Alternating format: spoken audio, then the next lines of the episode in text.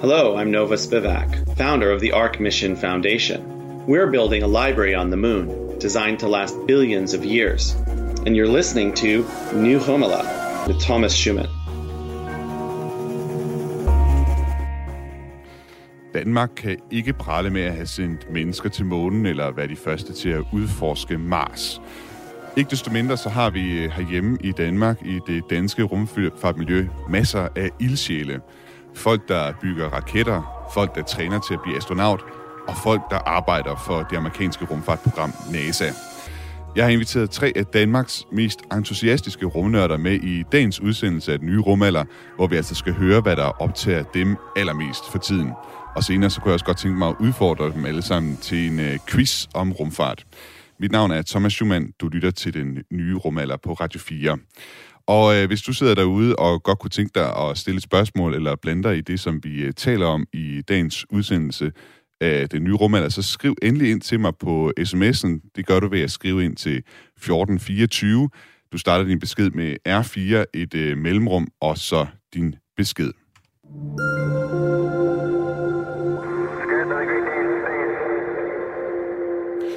I uh, rumpanelet i dag, der har vi uh, glæden af at være i selskab med, uh, med, med tre rumnørder, som sagt. Uh, jeg vil gerne først uh, byde velkommen til Marianne Albjerg, der sidder med i vores studie i København. Velkommen til dig. Tak skal du have.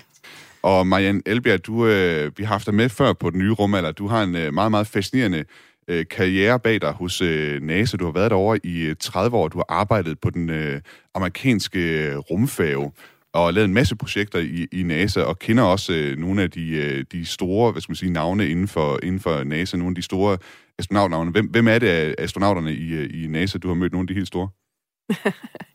ja, der er der Neil Armstrong, ikke? Og så Alan Shepard, og, og så nogen.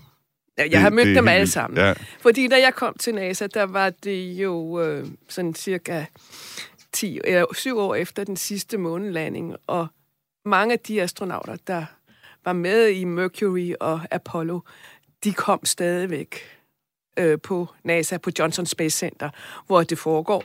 Og øh, de ville jo gerne komme ind og snakke. Så, så jeg kom til at sidde lige på samme, i samme bygning, på samme sal med alle astronauterne, så jamen, dem det, faldt vi bare over. Det er altså helt vildt, synes jeg, at øh, du har haft øh, mulighed for det. Jeg, jeg er meget misundelig.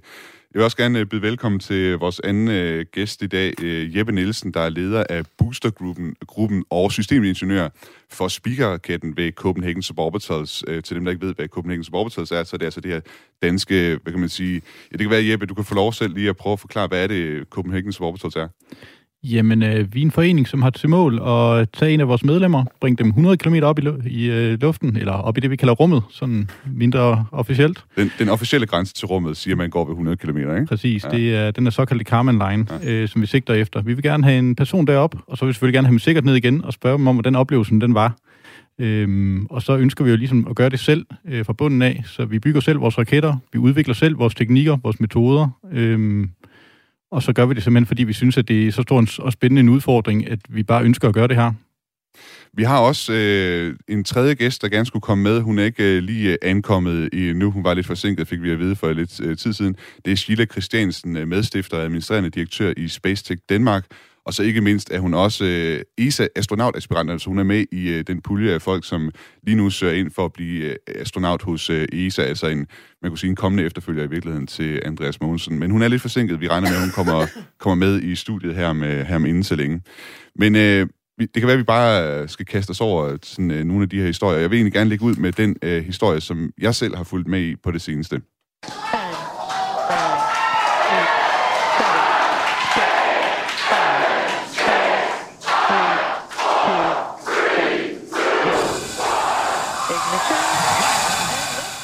Lyden her, det er fra SpaceX og deres live-transmission af opsendelsen af Inspiration 4, altså en uh, rummission bemandet af fire civile amerikanere, som blev sendt i kredsløb om jorden i tre dage i en SpaceX Dragon rumkapsel.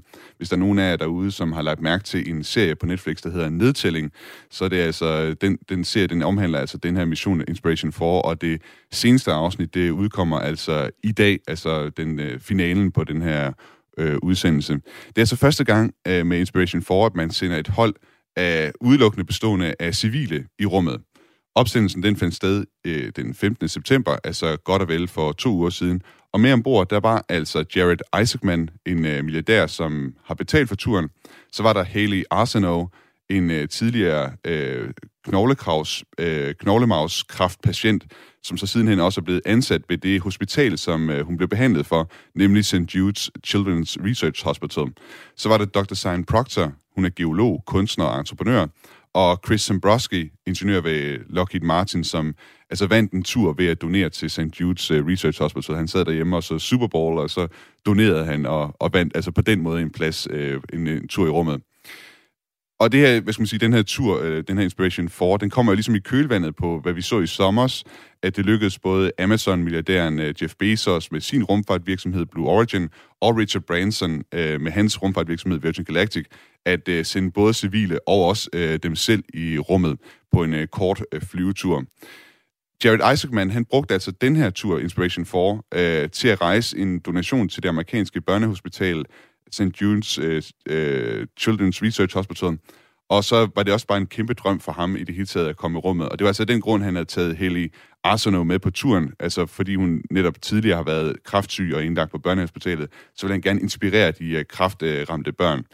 Og øh, i den tid, at de fire civile astronauter de var i kredsløb om, om, øh, om jorden, der udførte de eksperimenter, som skal øge forståelsen for de påvirkninger, påvirkninger menneskekroppen den udsættes for på rumrejser. Og øh, som missionens navn også antyder, så handlede det altså også om at inspirere øh, folk hernede på jorden, om at øh, helt almindelige mennesker kan komme i rummet. Øh, Marianne øh, jeg kunne godt tænke mig at starte med dig. Øh, den her Inspiration for Mission, har den, har den inspireret dig? Altså, SpaceX inspirerer mig helt lige fra jeg hørte om dem. Altså, de er jo helt fremme i skoene, og jeg synes, det er rigtig dejligt, at de, øh, der nu også har været den her Inspiration for, hvor der, der faktisk har været... Det er jo en, en god idé at samle penge ind til det her. Men... Øhm, og de var jo også rigtig i rummet, fordi jeg vil sige, uh, Branson og Bezos, de var jo ikke de var jo ikke i omkreds om, om jorden. De var bare op og lavede en parabol. Mm. Men her havde vi faktisk de første rigtige rumturister, efter min mening. Men, øh, og jeg er stor tilhænger af SpaceX, der jo har ligget foran i ræset om, hvem det var, der skulle flyve øh, mennesker i rummet, efter at øh, rumfærgen Space Shuttle holdt op med at flyve i 2011, hvor jeg sådan græd en lille tårer, fordi det var jo efter 30 år, øh, hvor vi havde en, øh, en, en, en, et steady program med, rum for, øh, med, med at sende astronauter i rummet lige siden 81. Og det er jo sjældent, man har et så spændende program, der kører i så mange år, der er fundet, og hvor, hvor det hele, det bare kører. Mm. Og det var også det program, du ligesom øh, arbejdede på med, med rumfærgen her. Ja, det var det. Ja. Og, og, og og det var jo så også en beslutning fra NASA, at man overlod det til øhm, industrien at komme op med, hvad vi nu skulle bruge til at sende mennesker i rummet efter Space Shuttle. Jeg lige sige, øh, hvad hedder det, de her missioner som øh, milliardær, som øh, altså nu Elon Musk, det er jo ham, der står bag øh, SpaceX og hvad hedder det, og den her mission også, altså det er ham, der har gjort det muligt, kan man sige, ikke? Og så havde vi, som du selv nævnte, Amazon, øh, Jeff Bezos og, og Virgin Galactic. Men sige, de her missioner, de har også tiltrukket sig synes jeg, en overraskende grad af, af negativ øh, omtale. Vi kan lige også, og, det, og øh, faktisk op på et, øh, på et ret højt niveau. Øh, det var sådan, den 21. september, der talte FN's generalsekretær Antonio Guterres øh, til en generalforsamling i FN, hvor han også kom ind på øh, de her rumflyvninger, som milliardærerne de fortsætter. Vi skal lige prøve at høre, hvad han, øh, hvad han sagde der.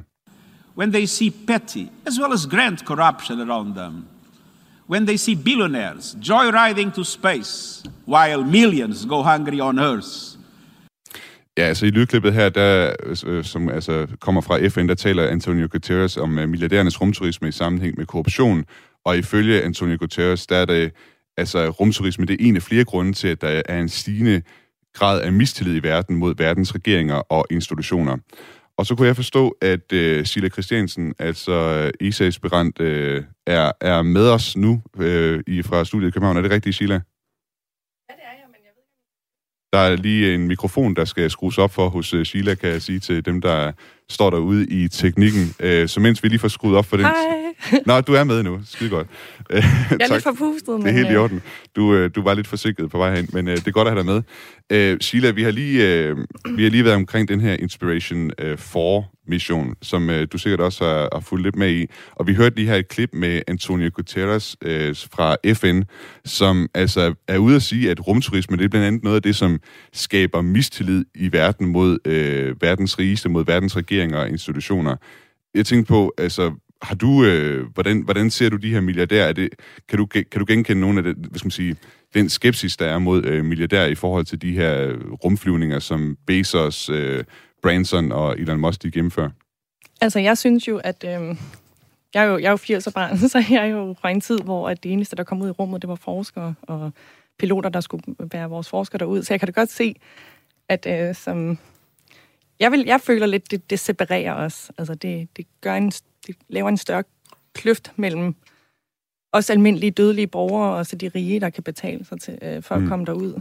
Men samtidig så føler jeg også, at rummet øh, er ligesom havet eller Arktis eller noget. Det er et sted, vi skal passe på, og vi skal, altså, vi skal forske, og vi skal passe på vores jord og sådan noget. Men, men at tillade en masse mennesker at komme derud, fordi de har en masse penge, øh, bare for at de kan se noget med deres egne øjne. Det må jeg indrømme, jeg, jeg, jeg er ikke helt tilhænger af det. Du er ikke helt solgt på den? Ej, jeg er heller ikke sådan imod folk, der gør det, men, men jeg synes, at det er sådan et skrøbeligt hmm. miljø, og vores jord er skrøbelig, og jeg synes, at øh, vi skal alle sammen passe på den, og så er der bare nogen, der har en masse penge, som, som lidt viser, at de er ligeglade, fordi mm. de, de fortsætter af med, med det, de har lyst til. Ikke? Mm. Jeppe, jeg kunne også godt lige tænke mig at få dig øh, med på den her, nu du sidder og lytter til, til Sheila og uh, til Marianne. Hvad, hvad er sådan dit take på Inspiration 4-missionen? Er det noget, der inspirerer dig? Ja, det synes jeg faktisk, det gør i allerhøjeste grad. Fordi man kan sige, øh, det her med, at man kan tage folk, som ikke er super trænet og sende dem i rummet, det er jo også super relevant for os i Copenhagen Suborbitals, fordi vi kommer aldrig til at få en professionel astronaut, fordi vi har ikke ressourcerne til det, og vi har ikke faciliteterne til det. Vi har ikke nogen centrifuge, vi kan træne dem i. Vi kan ikke sende dem op i et jægerfly og flyve. Vi kan måske sende dem i Tivoli og sende dem en tur i en centrifuge der, hvis vi kan finde en forlystelse, der ligner. Men det er så også det, vi har. Det, er, det er sådan det højeste, man sige, Det, det er sådan rundt de ressourcer, vi har til rådighed, ikke? det, det er øhm, ja. Vi har selvfølgelig en uh, læge, der hedder Niels Forlager, der er rummedicin og rent faktisk ved noget om det her, men ellers så, uh, så mangler vi altså en del af de faciliteter, som de professionelle har, så for mig er det i dybeste grad inspirerende. Og så har jeg måske et lidt andet take på det her med uh, rumturister generelt, øhm, og det er lidt, at jeg tænker lidt, at dengang vi fik flyet, så var det også som regel også kun de rige, der havde råd til at flyve eller dengang vi rent faktisk begyndte at kunne rejse på tværs af verdenshavene, der var det som regel også de rigeste, der havde muligheden for at tage sted til at starte med. Men det banede ligesom vejen for, at alle vi andre også kunne gøre det, når der var gået en periode, og vi rent faktisk havde udviklet teknologierne. Så jeg ser det faktisk som en god ting, at vi ser nogle rumturister. Så kan man altid diskutere, skal vi bruge pengene anderledes? Øhm, men jeg synes også bare, at man skal huske, at det forsvindende små mængder kroner og øre, der forsvinder i rumturisme lige pt. i forhold til, hvad der ellers bliver brugt på dyre biler og flyver og privatjets i forvejen. Så jeg synes egentlig, at jeg kan ikke rigtig blive sur over det. Jeg synes faktisk snarere, at øh, jeg ser det som en, en start på den her teknologiske udvikling, vi forhåbentlig er på vej ind i, nemlig at vi vil få flere og flere mennesker, der kommer i rummet. Og det vil være en naturlig udvikling, og vi kan ikke bare forvente, at det bliver ved med kun at være forskere, vi sender op, og det kun bliver ved med at være piloter, vi sender op. Det må også på et eller andet tidspunkt blive almindelige mennesker, vi sender op, eller for den sags skyld arbejdere, der kan bygge nogle ting i rummet for os. Mm. Det er i hvert fald det håb og den, øh, den drøm, der ligger øh, skal man sige, i rumfartbranchen, og, og det, som Elon Musk og andre, de jo også argumenterer med, når det er, de sender de her mennesker op, at det ligesom er med til at bane vejen for, at mange flere mennesker, de kan komme i rummet. Som, Men... sagt, så, som sagt, så kan man se hvad hedder det, den her dokumentar på Inspiration 4, eller om Inspiration 4 inde på Netflix øh, i øh, fem øh, episoder kan man, kan man se, øh, se det, hvis man er mere interesseret, og så kommer der garanteret mange flere flyvninger. Jeg ved, der kommer også øh, nogle flere flyvninger her omkring øh, årets udgang. Liftoff. We have a liftoff. 32 minutes past the hour. Liftoff on Apollo 11.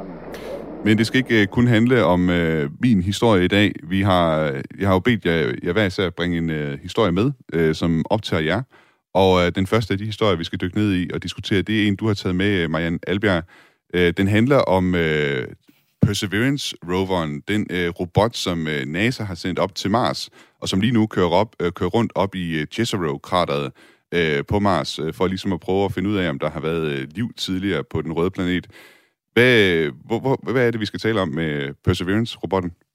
Altså, Perseverance-robotten, det er jo den sidste i en lang rette, række af robotter, der jo allerede øh, øh, har kørt rundt op på Mars. Øh, helt specifikt har USA haft tre, Spirit, Opportunity og så Curiosity, som faktisk ligger til grund for øh, at bygge øh, det, der, eller som ligger til grund for den udvikling, der er sket til Perseverance.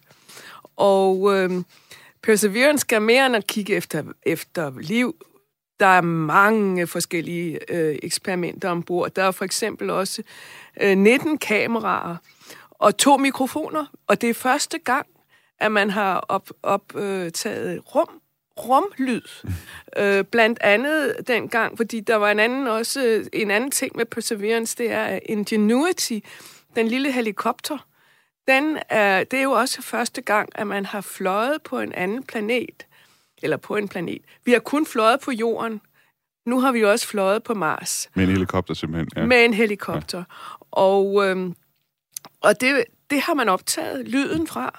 Og det lyder jo anderledes, fordi... Øh, eller, ja, det er jo spændende at høre, hvordan sådan noget lyder et andet sted, hvor vi ikke har den samme atmosfære, som vi har på jorden.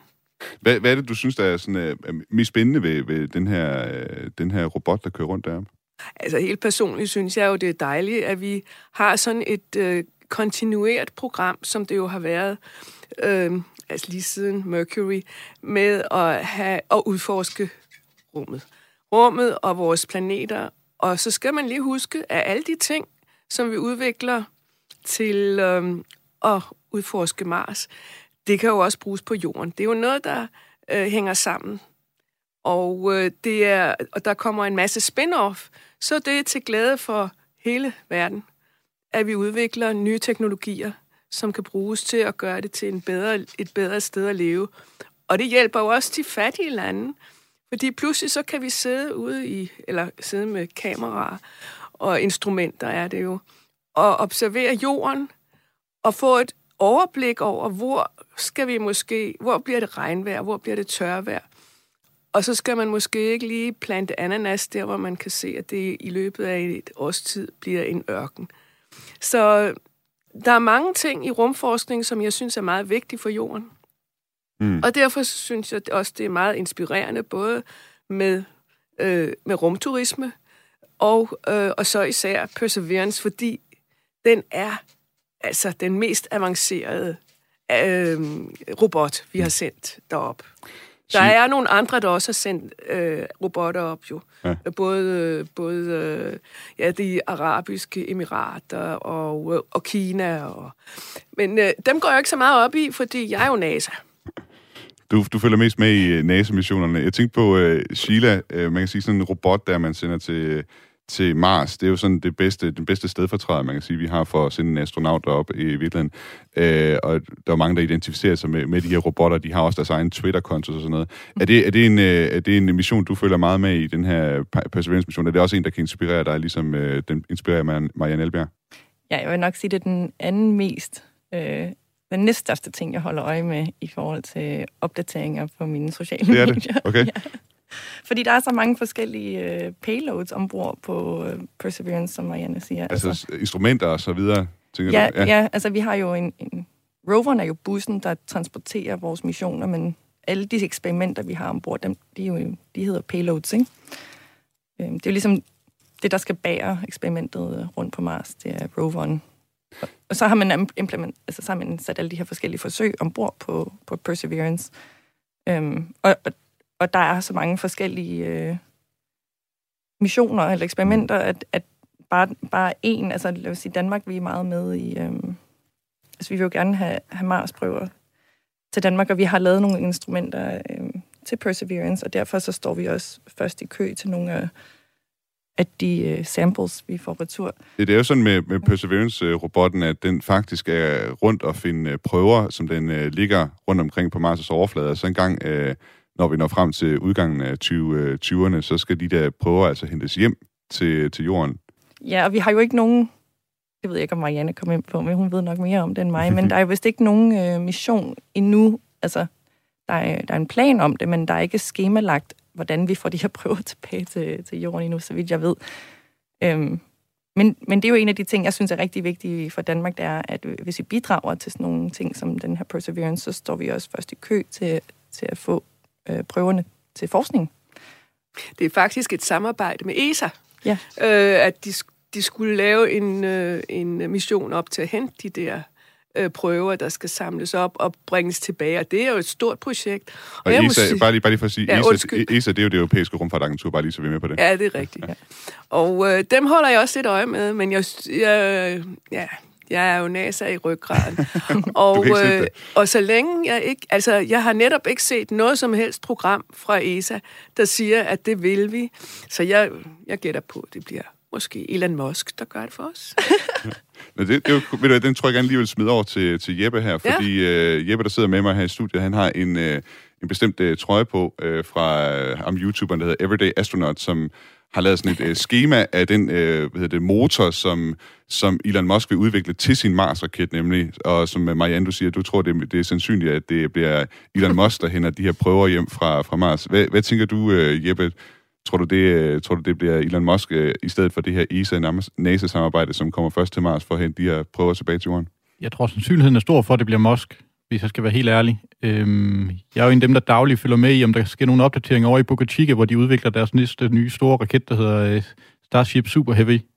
Øhm, og jeg vil da sige, med, selvom de ikke har flået den, øh, den fulde raket endnu, øh, og det skal siges, det er den raket, som Elon Musk øh, har planer om, både skal være 100% genbrugelig, det skal være den, der skal tage os til månen. Det er den, der skal tage os til Mars. Øhm, og hvis han lykkes med den, jamen, så tror jeg sådan set, at han har gode chancer for at være den første, der bringer både mennesker til månen og til Mars igen efter Apollo-programmet. Mm. Øhm, så ja, jeg tror, det bliver Elon Musk, der tager de prøver med hjem, hvis ikke øh, ESA får, får gang i øh, butikken, lad os sige det sådan, pænt sagt. Øhm, og så tror jeg bare, at vi skal erkende, at øh, alle andre rumprogrammer, som ikke arbejder med at skulle have 100% genbrugelige raketter, de vil snart stå med et problem, hvis Elon Musk kan øh, lykkes med sine projekter. Mm. Det, er jo, det er jo hele, hvad skal man sige, den hellige gral, de prøver hos øh, SpaceX at opnå med, med Starship, nemlig en 100% øh, genbrugelig raket, som nemlig skal åbne vejen til Mars. Øh, nu spurgte jeg hvad det, Sheila ind til, hvor meget hun følger med i den her Perseverance-mission. Jeg ved ikke, følger du mere med i uh, det SpaceX er gang i en, uh, en dagligdagen op på Mars med, med robotten? Ja, det gør jeg. Det okay. skal ikke være nogen hemmelighed. Øhm, som en af dem, der selv skal bygge raketter i min fritid, så følger jeg rigtig meget med i, hvad SpaceX de rent faktisk render og laver. Mm. Øh, og jeg går også sådan lidt med et lille hobbyprojekt om måske at få mulighed for at besøge Boca Chica på et tidspunkt. Mm-hmm. Øh, det er sådan, at vi har haft besøg af et par folk fra SpaceX tidligere i vores eget værksted, som har lavet sig inspirere lidt af os, og så har vi haft muligheden for måske at planlægge en tur til USA og få lov til at komme over og se, hvad SpaceX de render laver. Og det kunne være lidt fascinerende, fordi det er sådan lidt ligesom at have muligheden for at rejse ud og besøge Apollo-programmet, dengang hvor den, det kørte. For jeg tænker, at det er sådan noget i, i samme stil, SpaceX faktisk er gang i. Mm. Det er sjovt, hvordan vi kommer til helt at tale om, om det her Starship-program, men det er jo selvfølgelig også øh, fremtiden for, hvordan øh, man ligesom skal nå til, til Mars, i hvert fald sådan, som øh, Elon Musk han øh, selv øh, forestiller sig det. Jeg kan sige, jeg var selv faktisk over at besøge Boca Chica, hvad hedder det, for nogle år tilbage, dengang, da det mest af alt bare var sådan en, øh, hvad skal man sige, øh, et naturreservat øh, stadig. Det har udviklet sig noget derovre og blevet til sådan en egentlig, hvad skal man sige, raketfabrik mere eller mindre øh, derovre, hvor det er, at de bygger de her, øh, de her hvad hedder det, prototyper på, øh, på det her Mars-rumskib. Øhm, Chile, eller, undskyld Marianne, jeg kunne godt tænke mig lige at spørge dig kort. Vi har, vi har ikke så lang tid før, vi skal have nogle øh, Radio 4-nyheder her. Men øh, tror du, det er realistisk, at øh, det her europæiske, øh, amerikanske samarbejde, at de kan nå at hente de her prøver tilbage til jorden inden 2030? Altså det øh, er jo noget, der... Er, det, det skal jo alt sammen passe med, når man skal sende nogen, noget sted fra jorden, hvor vi kan ramme Mars. Så der er jo kun visse øh, vinduer, der er åbne. Men målet med, altså, med roveren, det er jo først og fremmest altså at søge efter beliv, øh, vi, øh, liv på Mars, og så finde den øh, biosignatur, der måske viser, at der har været mikrober deroppe. Og så skal vi finde vand, og vi skal også kunne lave ilt. Og det er jo alt sammen noget, der har at gøre med, at vi en dag skal have bemanding på Mars. Mm. Så, så jeg synes jo, at der er det, man kalder what, when and why, mm. øh, inden for, for øh, NASA's projekt her. Og, og det kan jeg jo godt lide. Så på den måde kan man sige, at uh, Perseverance-roveren, uh, den har det her eksperiment, der hedder MOXIE med, som uh, nemlig også skal prøve at omdanne, uh, hvad hedder det, CO2, eller hvad skal man sige, Mars' CO2-hold i atmosfære til ilt. På den måde så spiller den jo egentlig også ind i de øh, drømme, som uh, Musk har om at sende uh, mennesker derop, fordi det også bliver en, en afgørende teknologi for, at der i det hele taget kan leve uh, mennesker op på Mars. Klokken den er ved at være 10.30, og vi skal nu til at have nogle uh, nyheder her på Radio 4. Welcome. The Space Panel. Launch confirmed. Let's talk about space. Lytter til den nye rumalder med Thomas Schumann.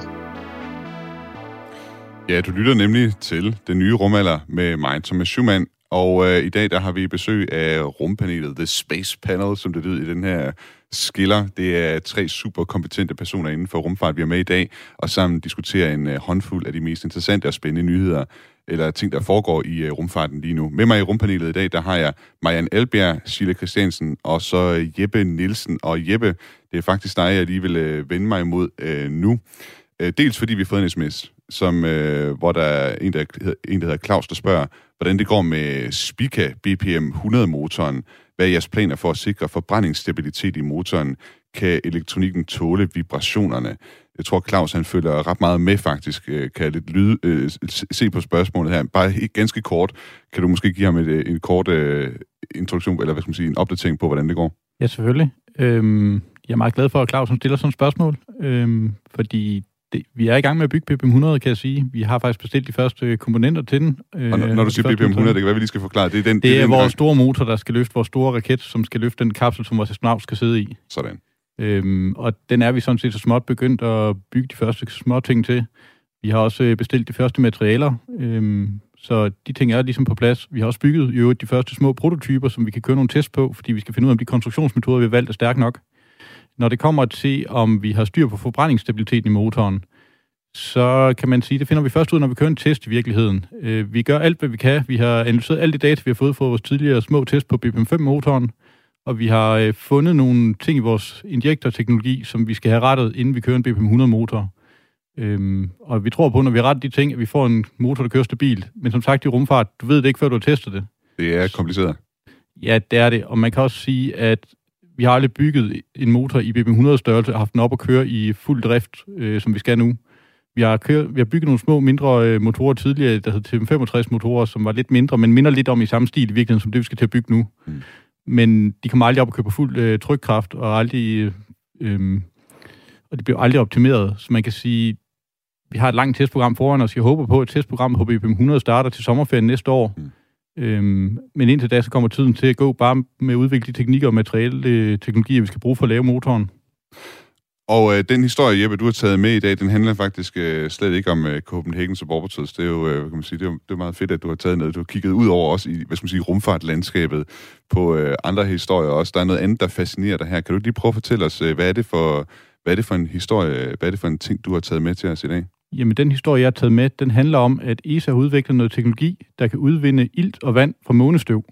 Øhm, og kort fortalt, så kan man det, fordi månestøv stort set består af 50% ilt i forvejen. Det er forskellige iltforbindelser, der er bundet til silikat og calciumioner, øh, forskellige andre typer metaller, altså jern og aluminium for eksempel, og titanium.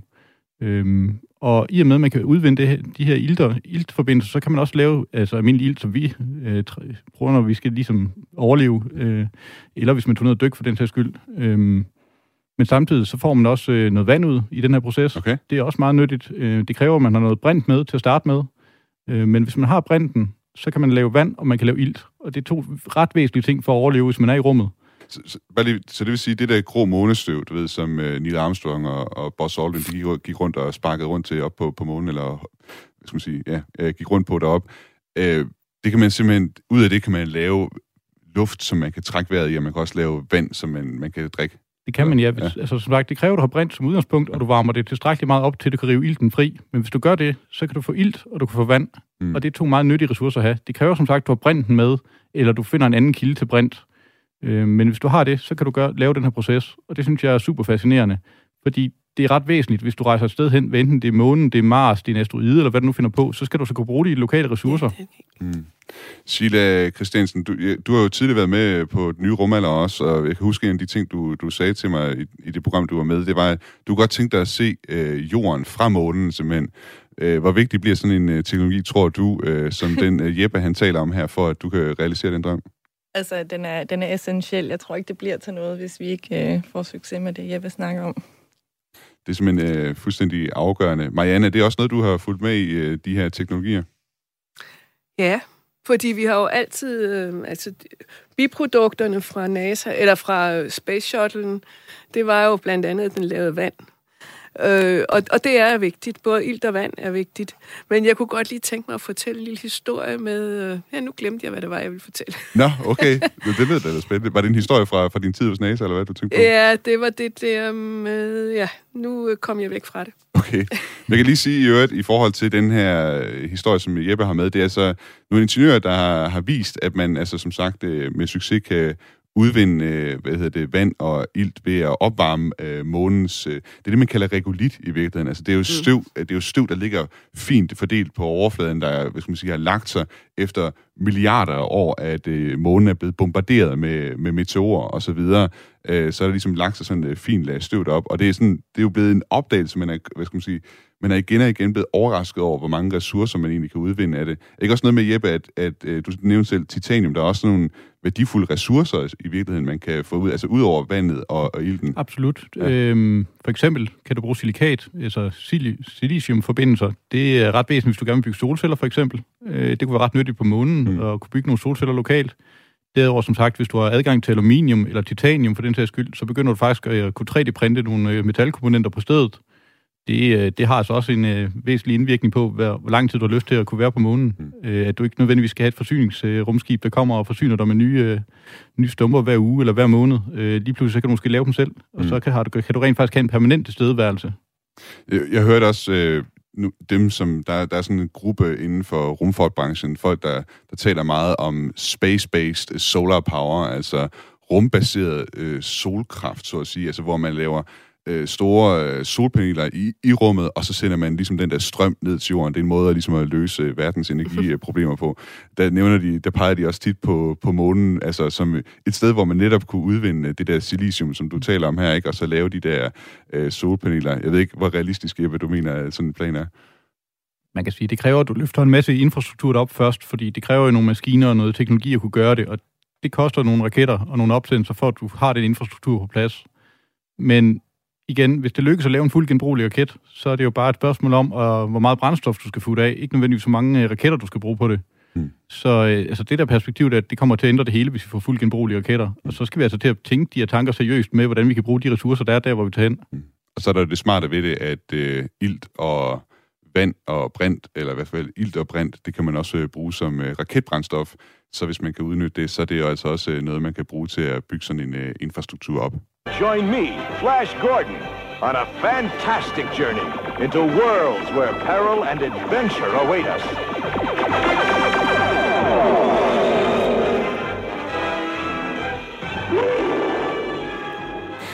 Men man kan sige sådan nogle øh, drømme her om øh, rumbaseret solkraft for eksempel, eller baser på månen i det hele taget. Det er jo ikke noget, øh, der kommer af sig selv. Det kræver investeringer i øh, rumfartbranchen. Og øh, Sheila, Øh, Christiansen, øh, jeg kan forstå, at du øh, blandt andet gerne vil tale om øh, kroner og øre i rumfarten. Hvad er det, det handler om, det du gerne vil tale om? Jamen, det er jo som forsker i Danmark, øh, når man søger om midler fra Innovationsfonden, eller man har et ESA-projekt. Øh, lad os sige, ESA, de søger noget. Jeg, jeg, sidste måned så spurgte jeg min, min projektleder hos ESA, kunne I være interesseret i, hvis vi kunne finde på en løsning på bla bla bla? Og så sagde de, ja, det ville være en ny standardiseret løsning for hele verden. Det kunne hjælpe os rigtig meget med at overvåge de her ting.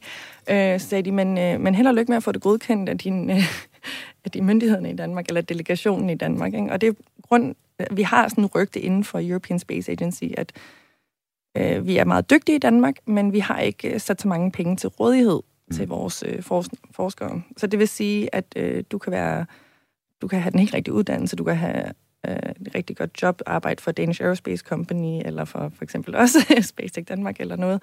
Og øh, man har kompetencer, og ESA vil gerne have det, jer der udfører opgaven og sådan noget, men så når du sender øh, ansøgning ind til, til Innovationsfonden, så ved du godt, okay, men der er kun 50 millioner kroner til rådighed, men der er cirka ansøgninger for cirka 500 millioner kroner, så mm. kan du regne ud, hvor mange forskere i Danmark, der ikke får godkendt deres forskning, øhm, og ikke får de her kontrakter hjem til Danmark.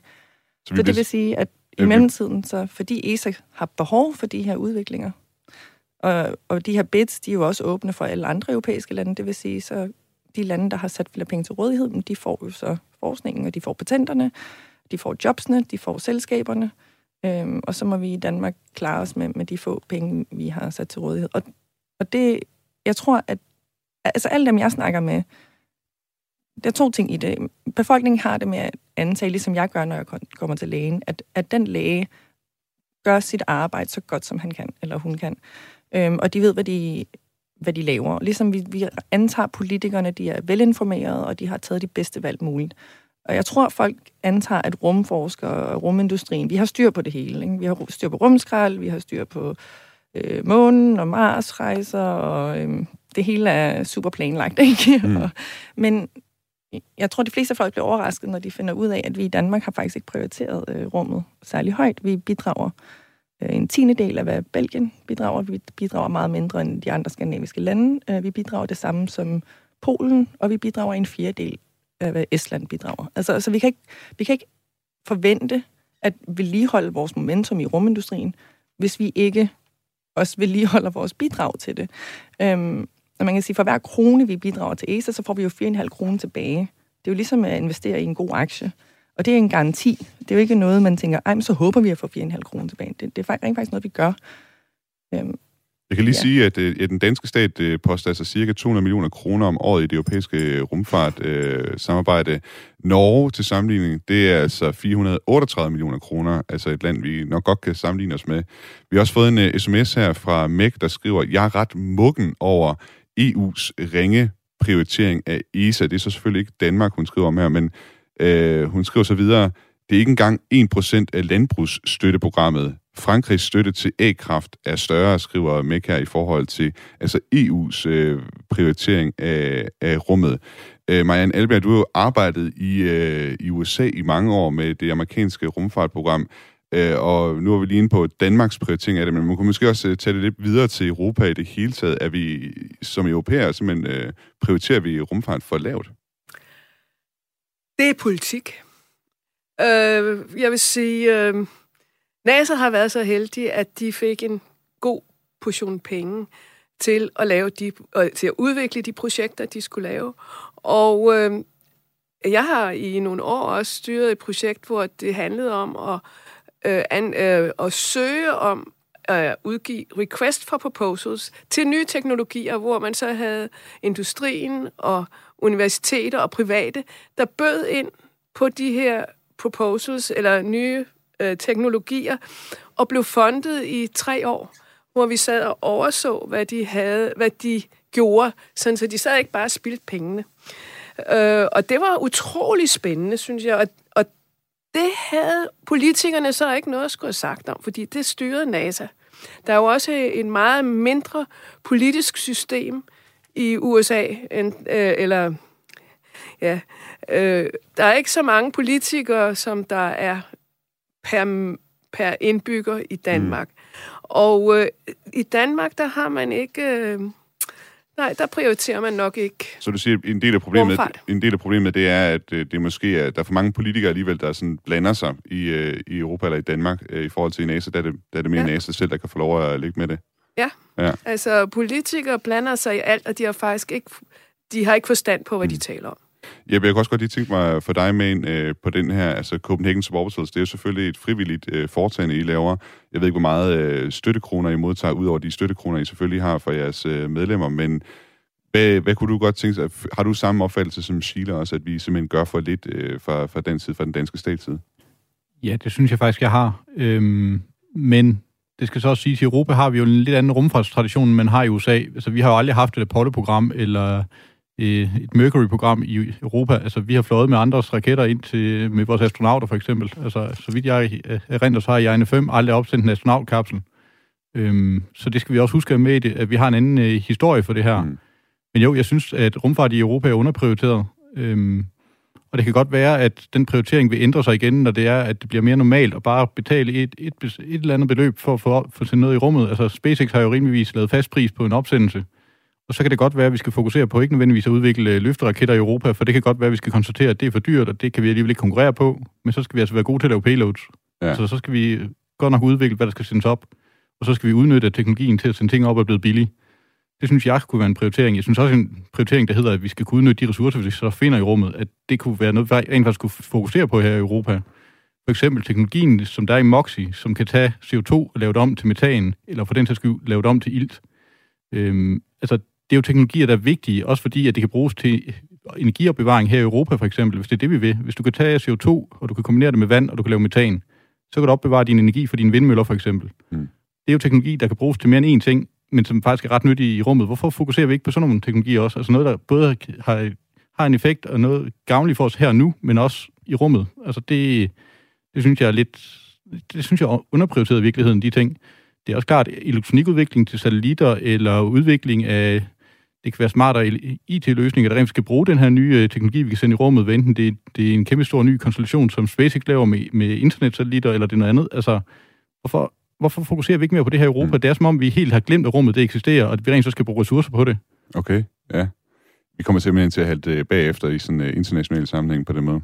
Det synes jeg faktisk, vi gør. Øhm, altså, alt, det er allerede gået galt, når det kommer til løfteraketterne. Altså, en Ariane-opsendelse koster vel næsten 5-10 gange mere, end det koster at sende op med SpaceX allerede. Ariane, Ariane det er den raket, som øh, hvad skal man sige, det europæiske rumfartagentur bruger, blandt andet. Der er også nogle andre Vega-raketterne også, ikke? Præcis. Ja. Øhm, og allerede der synes jeg lidt, at man kan diskutere, om øh, vi rent faktisk rent ind i et problem i Europa, nemlig at det simpelthen er for dyrt at sende vores ting op.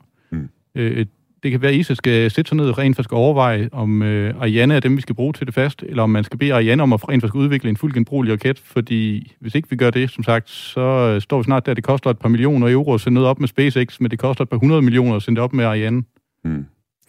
Der er altså i hvert fald fra rumpanelets øh, side her nok at tage fat på, øh, både i Europa og så også øh, i Danmark, for at sætte et større fokus på at øh, altså gøre noget mere for, for rumfarten. Hi, I'm Günther Hasinger. I'm the Director of Science for the European Space Agency. And you are listening to the Niro Mella with Thomas Schumann. Vi er så småt ved at nærme os øh, udgangen på udsendelsen, men øh, før vi øh, runder af, så skal vi have en, øh, en lille quiz, for oh. jeg har nemlig øh, forberedt øh, fem spørgsmål øh, til jer. Må jeg ikke lige sige én ting? Jo, jo det må du da gerne, Marianne. Jeg vil jo, gerne endelig. sige, ja. at der er ikke ret mange, der kan sende mennesker op i rummet, og det er helt andre requirements, der er, når man taler om at sende mennesker op i, i rummet. Fordi det er ikke bare noget, man gør, og det er dyrt, fordi det der, altså SpaceX har jo i mange år sendt kapsler op til øh, Space Station, men det første sidste halvandet år, de har sendt mennesker op, fordi deres rumskibe eller øh, kapsler skulle øh, godkendes, mm. så de var sikre. Så man kan ikke sammenligne de ting. Det kan ikke helt sammenlignes. Nej, Nu, nu, vil, nu vil jeg prøve at presse igennem her. Vi ja, kommer, kommer til den her quiz her. Undskyld. Ja, okay. det, det er en god betragtning her med, Marianne, og det er, jo, det er jo selvfølgelig rigtigt, at det er helt anderledes at sende mennesker i rummet i forhold til payloads, øh, satellitter osv. Ja. Men øh, som sagt, øh, vi har den her quiz øh, med fem spørgsmål, og øh, I skriver altså svar ned på et øh, stykke papir, som I gerne skulle have foran jer, og I får 10 sekunder til at skrive øh, jeres svar. Og efter hvert spørgsmål, så gennemgår vi selvfølgelig øh, hvert af jeres svar. Jeg håber, at reglerne de, øh, de står nogenlunde klar for jer. Cool. Der var ikke nogen protester der. Den eller de af jer, som øh, har svaret rigtigt på flest af de fem spørgsmål, de får selvfølgelig en præmie, som jeg afslører til sidst. 5, 4, 3, 2, 1, 0.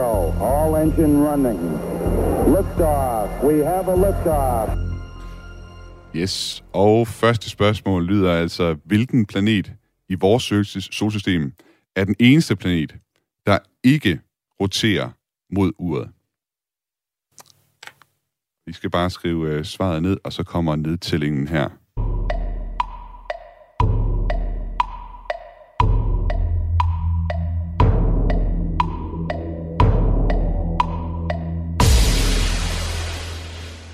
Marianne Albjerg, hvad har du skrevet på dit papir? Jeg mener, det er Uranus. Du skriver Uranus. Og Sheila, hvad skriver du? Det var lidt et gæt. Venus. Jeppe? Jeg har også skrevet øh, Uranus. Uranus. Jeg kan sige, at svaret er Venus, så øh, det var Sheila, der havde ret. Øh, og øh, bonusinfo til det, det er altså, at øh, solen på Venus derfor går op i vest. Øh, men må jeg lige fortælle, hvor mit gæt kom fra? Det må du gerne. Jeg tænkte bare, at den der bog, Mænd er fra Mars, Kvinder fra Venus, der var en grund til, at ham forfatteren, han var så mandsjuvenistisk, okay. at, han, at han, han skulle jo sørge for, at vi kom fra en mærkelig planet. Ja. Den vender jo den anden vej. Eller? Den, den er jo lidt ekstrem, øh, Venus, øh, på den måde, øh, og dagene er jo også øh, utrolig lange, øh, 243 øh, dage, øh, jorddage tager det for en dag på, på Venus, og så har den den her meget, meget tykke atmosfære, som gør, at overfladetemperaturen den er 450 grader, når den stil. Altså så varmt, at øh, selv øh, bly det smelter. Men det var altså øh, Sheila, der fik et, øh, et point der. Uh, vi har det næste spørgsmål her, i tråd med det, vi havde med øh, rumturisme tidligere. Spørgsmålet er, i hvilket årstal blev det amerikaneren Dennis Tito den første rumturist?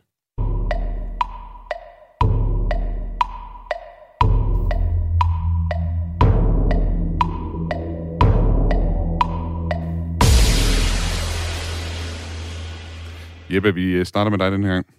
Jamen, jeg har skrevet 2015, fordi jeg kan simpelthen ikke huske, hvornår det var. Øh, så det er sådan et bud. Og øh, Sheila, hvad siger du?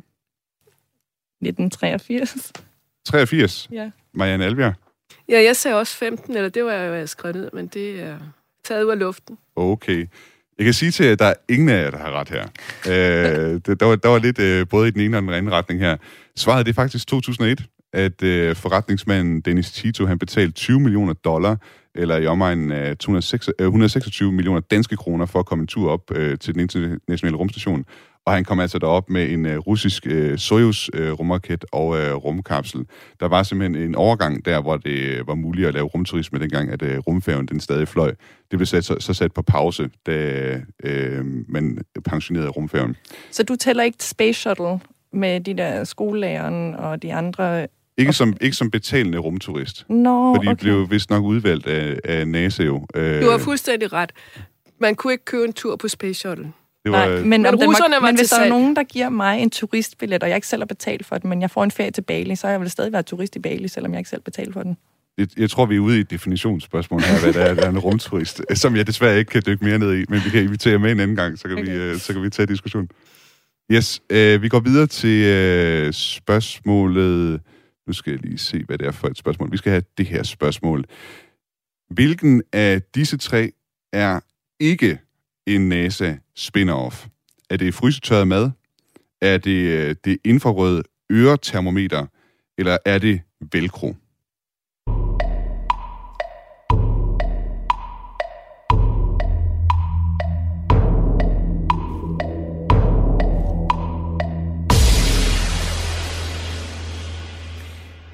Sheila, hvad, hvad svarede du på den? Øretermometeret. Du svarede øretermometer, som ikke er et NASA spin-off. Ja, jeg ved, at velcro er. Og øh, hvad siger du, Jeppe? Jamen, jeg har svaret det samme, mest på, med tanken, jeg tænkte, frysetørret mad var ret relevant for astronauter, så det jeg tænkte det kunne godt være et NASA-produkt. Ja. Marianne Alberg, jeg har gemt dig til sidst øh, med ja, vilje. Jeg siger du, velcro. Du siger velcro, og det er nemlig øh, rigtigt. Det er en ved du hvad, jeg har selv, jeg har selv siddet her på den her redaktion og, og sagt igen og igen, velcro, det er noget, NASA har opfundet. Jeg tror måske, det er dig, der sagde det til mig, Thomas. det var undskyld, Sheila. Hvis det er mig, der har bildt dig det ind. Jeg ved ikke, uh, Marianne Elberg, hvordan, hvordan vidste du det? Det ved jeg. Det ved du simpelthen bare. Ja, jeg ved ikke, hvor... Altså, det er jo... Man taler jo meget spin-off, og, og velcro er altid noget, der kommer op og siger, jeg må meget, jeg må desværre skuffe jer. Ja. Men derfor bruger vi det meget i rummet. Det bliver brugt overalt ja. i rummet. Vi, vi har lige et, et sidste spørgsmål, vi kan nå igennem, for lige at finde en vinder, fordi lige nu der står der 1-1 mellem øh, Sheila og Marianne, øh, Marianne Albjerg. Øh, Jeppe, du har desværre ikke fået et øh, point herover. Men I får lige et sidste, som, som kan, kan afgøre det. Og øh, spørgsmålet lyder, hvad er den største satellit, der kredser om jorden?